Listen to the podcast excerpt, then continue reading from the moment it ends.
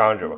შეუსწავლებელი პოდკასტის 61 ეპიზოდზე მე მისწამყვანი დატო გუტალია. ამ პოდკასტში საუბარია დეველოპერულ კულტურის, ტრენდულ ტექნოლოგიებზე და კარიერულ სრდის შესახებ. დღეს შედავით მოკლე ეპიზოდი იქნება და ვისაუბროთ როგორ შეიძლება დავიწყოთ ახალი ტექნოლოგიის გარჩევა, ან როდის გავარჩიოთ ეს რაც სიახლეები ჩვენ სიგულირ რაც ხდება ტექნოლოგიურ სამყაროში.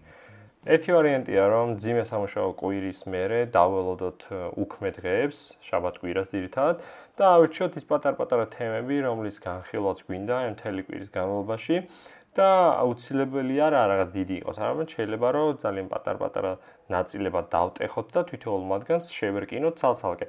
ზოგადად მთელი კვირის განმავლობაში, განსაკუთრებით ორ შაბათს უკვე მოდის ხოლმე სიახლეები, ეს ნიუსლეთერები, მეილები, ყველაფერი და მთელი კვირის განმავლობაში ჩვენს ვკითხულობთ რაღაცებს, ვეძებთ Reddit-ზე, Twitter-ზე, არც ნებისმიერ ადგილას, სადაც შეიძლება რაღაცები ეძებდეთ ამ ინფორმაციას და გვიგროვდება ასე ვთქვათ, ვალები დავარქვათ, რაც სია, რომლის წაკითხვაც გვინდა და შეიძლება ვერაზოს ვერ ვკითხულობდეთ და ხარისხიან ვერ გვიცლიდეთ. ზოგისთვის ეს გამოიხატება ძალიან დიდი bookmark-ების სია, ვთქვათ, ბრაუზერში ან ძალიან ბევრი ტაბი ასევე შეიძლება ცალკე კიდე თავიანთ ნოუთებში იქონდეს ვიღაცა ჩაწერილი, ხო? მოკლედ ძალიან დიდი სია არის და გვინდა რომ მოი ეს არის ვალი აღებული, ჩანიშნული გვაქვს, რომ გვინდა აი ეს გაკეთება.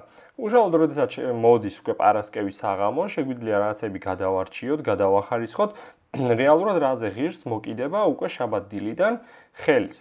აუცილებელი რა ნუ შაბათილა, მაგრამ ნუ შაბათიან რაზე ჯობს ხელი ხელი მოუკიდოთ. მაგალითად ეს შეიძლება ეხებოდეს კონკრეტულად ახალ ბიბლიოთეკას, ან სულ ახალ ფრეიმვორკს, შეიძლება სულ ახალი ენა იყოს, შეიძლება პირიქით ძალიან ნაცნობი ტექნოლოგია იყოს, უბრალოდ დეტალებში გარკვევა და ჩასვლა გინდათ რაც ექსპერიმენტები, ხო? ძალიან ბევრი თემის მოფიქრება შეიძლება. და საერთოდ საპირისპირო ეს პატარ-პატარა თემების ნაცვლად გინდოდეთ რა დიდი პროექტის დაწყება, რომელსაც ასე ვთქვათ, თქვენი საშინაო ცალკე საით პროექტი ან pet project-საც ეძახიან, იგი თავარი არის, რომ ჩვენ თავიდან მომზადოთ რაღაცა დროს, აი როგორც ვიცით, რომ სამუშაო დღეები, სამუშაო საათები გვაქვს, აი ეგრე გამოვუყოთ ჩვენთვის იმ ახალი რაღაცების სწავლაც, იმიტომ რომ ეს ახალი რაღაცები მუდმივად ვისწავლოთ, რომ ჩვენ მუდმივად ვიყოთ ფორმაში და მუდმივად განვითარდეთ. ამიტომ ეს თუ იქნება სამუშაო საათების მე ვთქვა საღამო საათებში ეგეც კარგი არის რა თქმა უნდა ეგეც უნდა მოვიქცეთ თუმცა მან ბევრი დრო არ გვაქვს იმიტომ რომ მალე საღამოვდება მე ძილის დრო მოდის ნუ კიდე სახლის საქმეებია ამიტომ თელი დატვირთვა უმეტეს შემთხვევაში გადაგვაქვს შაბათ კვირას ხოლმე. დანარჩენ დღეებში შეიძლება რაცები ვიკითხოთ. ეხლა შეგვიძლია დავყოთ როგორ უნდა გავაკეთოთ და უნდა გავარჩიოთ ამ თავისუფალ დროს რაღაცები. ერთი როგორც თქვი რომ დავყოთ პატარ-პატარა თემებად, ან კონკრეტულ საკითხებად, რომლის გარჩევაც გვინდა, მაგალითისთვის გამოვიდა Android-ის ახალი თქვა ბიბლიოთეკა თვითონ Google-ისგან და გვინდა მაგის შესახებ რაღაცების გარჩევა. Ну, ავიღებ და მაგაზე გავარჩევ შემდგომ სხვა რაღაცაზე, ან მათ რაღაც ორ ბიბლიოთეკას როგორ შეიძლება ერთმანეთთან დავაკავშიროთ, ისე რომ საინტერესო ვარიანტი მივიღოთ. მაგალითისთვის ისე უსასრულო სია, რო სკროლოთ, ავტომატურად ქეშირდებოდეს ლოკალურ ბაზაში, ისე რომ შემდგომ მეორე ჩართვაზე რაღაც ნაწილის Excel-დან წამოღება აღარ იყოს საჭირო, როგორ შეიძლება ამის paging-ი და ასე შემდეგ, ხო? ეს ყველაფერი შეგვიძლია დავყოთ პატარ-პატარა ამოცანება და გავაკეთოთ. შეიძლება ასევე რაღაც ერთია, როგორც თქვი, pet project-ის აღება, დაწყება და როდესაც ხომ მივიყვანთ ამას ბოლომდე, კიდე ცალკე საკითხი დიდ პროექტებს როგორ უნდა ვიმუშაოთ, ბოლომდე რომ მივიყვანთ, შეგვიძლია ეს მე უკვე გამოვიყენოთ ჩვენ სათამაშო მოედნად და შემდგომ რა ექსპერიმენტების ჩატარებაც მოგვინდება და ახალი ტექნოლოგიების გარჩევა, შეგვიძლია უკვე რომ ამ პროექტის შიგნით ჩავსვათ და ყოველთვის გვექნება რა სატესტო სათამაშო სავარჯიშო პროექტი. რაც აუცილებელია იდეაში რომ გქონდეს აი ერთი ასეთი შავი სათამაშო პროექტი.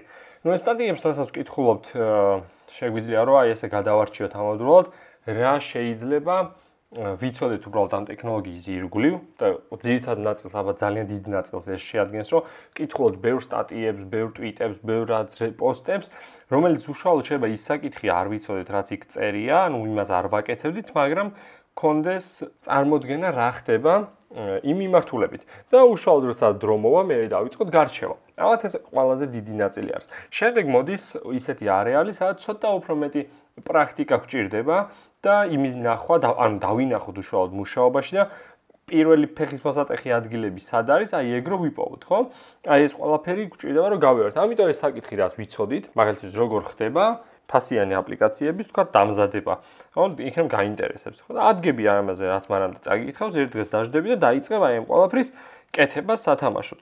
ნუ აღმოაჩენ რომ ოჰო, ეს არც ისე მარტივი არ ყოფილა რომ ბლოგებში წერია პირდაპირ ერთი flow, რომელიც გამოტოვებული არის და აი ამ ვერსიის Android-ზე თურმე ასე ყოფილა, მე მარკეტზე ატვირთვის დროს ხედავ რაღაცა პრობლემა ყოფილა, იქ ფორმა არის შესავსები და ეს შემდეგ. აი ამ ყველაფერს ნაბიჯ-ნაბიჯ გაევლი და ნახავ. და ნუ ეს იცი უკვე პირველი ფეხის მოსატეხი ადგილები სად არის და საომალოდ უკვე შენახული გაქვს ეს ცოდნა შენთვის. ამიტომ შეგიძლია თქვა, რომ აი იმ დღეს საკმაოდ პროდუქტიული რაღაცა გააკეთე. რა თქმა უნდა, ეს საერთოდ შენს ინტერესში წყაროში თუ არის და საერთოდ გჭირდება თუ არა ამის გაკეთება, ხო?